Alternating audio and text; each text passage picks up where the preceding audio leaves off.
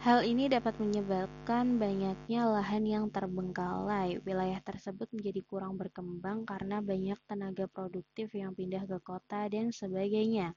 Pengelolaan bonus demografi yang tepat akan membawa dampak positif terhadap perubahan sosial budaya masyarakat. Apa yang dimaksud dengan demografi? Demografi sendiri adalah bonus atas hal yang dinikmati suatu negara sebagai akibat dari besarnya proporsi penduduk produktif. Rentang usianya 15 hingga 64 tahun.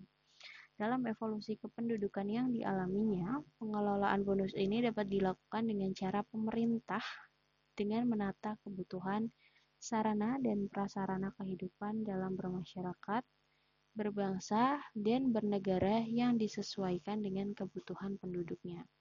Selain itu, masalah sosial yang terjadi sebagai akibat jumlah dan komposisi penduduk yang tidak seimbang harus mendapatkan penanganan yang tepat.